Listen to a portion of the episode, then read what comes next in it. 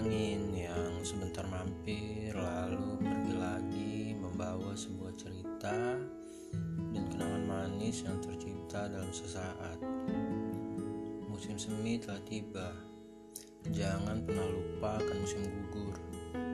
Perlahan daun tumbuh lebat di beberapa ranting pohon hingga menjaga ranting dari sengatan matahari seutuhnya. Ketika musim gugur tiba, satu persatu dedaunan mulai meninggalkan ranting pohon dan terbawa angin. Bersabarlah, karena musim semi akan kembali tiba. Hei, daun yang berwarna hijau muda, kamu terlalu susah untuk ditiup angin. Tidak sepertiku yang sudah terlihat coklat dan mulai rapuh.